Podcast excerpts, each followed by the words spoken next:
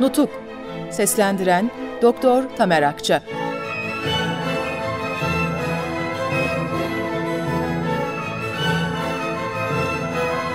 21. Bölüm Avrupa'dan bir şey başaramadan dönen Ferit Paşa'ya çektiğim şifre. İstanbul hükümetini milli teşebbüsleri engellemekten vazgeçirmek, başarıda sağlayacağı çabukluk ve kolaylık bakımından önemliydi. Bu düşünceyle ve Ferit Paşa'nın tabiatıyla hiçbir şey başaramadan adeta hakarete uğramış bir durumda İstanbul'a dönüşünden yararlanarak kendisine 16 Ağustos 1919 tarihinde bir şifreli telgraf yazdım. Bu telgrafta başlıca şu cümleler vardır. Monsieur Clemenceau'nun siz Sadrazam Hazretlerinin yüksek şahsiyetlerine olan ayrıntılı cevabını ben acizleri son günlerde okuyunca İstanbul'a nasıl acı ve üzüntüler içinde dönmüş olduğunuzu takdir ediyorum. Vatanımızı paylaşma ve yok etme düşüncesini bu kadar açık ve haysiyet kırıcı bir şekilde ortaya koyan bu ifade karşısında titremeyecek duygulu bir insan düşünemiyorum. Tanrı'ya binlerce şükredelim ki milletimiz ruhunda kahramanlık azmiyle tarih boyunca sürüp gelen hayat ve varlığını hiçbir zaman ne kaderin akışına ne de böyle cellatça hükümlere kurban etmeyecektir. Şimdi pek eminim ki Sadrazam Hazretlerinin yüksek şahsiyetleri bugünkü genel durumu, devlet ve milletin gerçek çıkarlarını 3 ay önceki gözlerle görmüyorlar.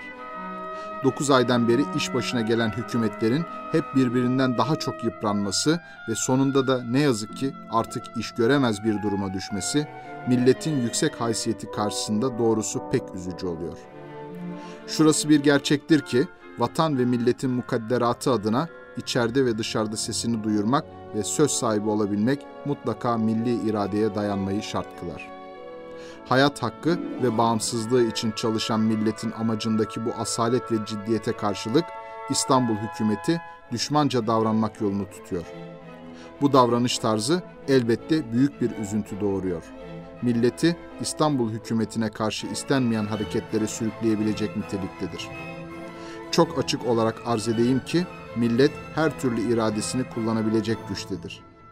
Teşebbüslerinin önüne geçebilecek hiçbir kuvvet yoktur. İstanbul hükümetinin olumsuz teşebbüsleri hiçbir yerde hiçbir kimse tarafından uygulanmayacaktır. Millet çizdiği program çerçevesinde pek kesin ve açık adımlarla hedefine doğru yürümektedir. İstanbul hükümetinin şimdiye kadar süre gelen engelleyici teşebbüslerinin hiçbir yerde hiçbir etki yapmamakta olmasıyla gerçek durumun takdir buyurulmuş olacağına şüphe edilemez. İngilizlerin gösterdikleri yolda bir kurtuluş çaresi aramakta boşunadır ve sonucu bir hiçtir. Bununla birlikte İngilizler de en sonunda kuvvetin millette olduğunu takdir ederek hiçbir dayanağı olmayan ve millet adına hiçbir taahhütte bulunamayan bulunsa bile milletçe kabul edilemeyecek olan bir hükümetle sonuç alınabilecek bir işe girişmenin mümkün olamayacağına inanmışlardır. Bütün dilekler şu noktada birleşmiştir ki, hükümet meşru olan milli akımı engellemeye çalışmaktan vazgeçerek Kuvayi Milliye'ye dayansın ve bütün teşebbüslerinde kendine milli gayeyi rehber edinsin.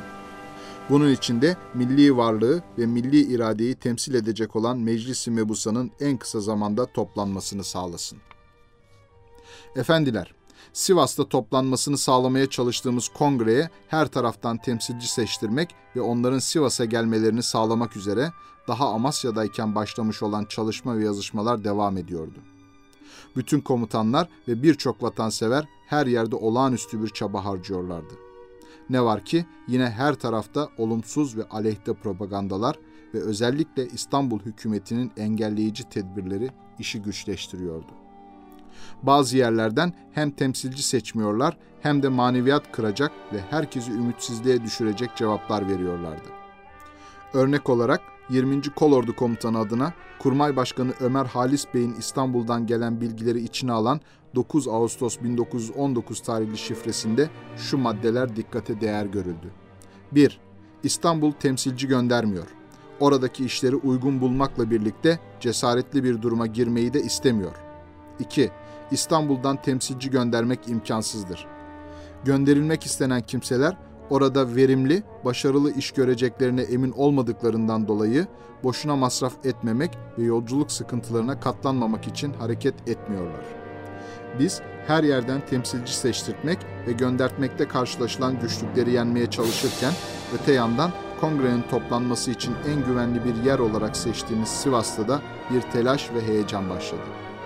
Efendiler, burada sırası gelmişken arz edeyim ki ben Sivas'ı gerçekten de her bakımdan güvenilir bir yer saymış olmakla birlikte daha Amasya'dayken Sivas'a gelen bütün yollar üzerinde uzaktan ve yakından her türlü askeri tedbir ve tertipleri aldırmayı da dikkatli olmanın gereği saymıştım.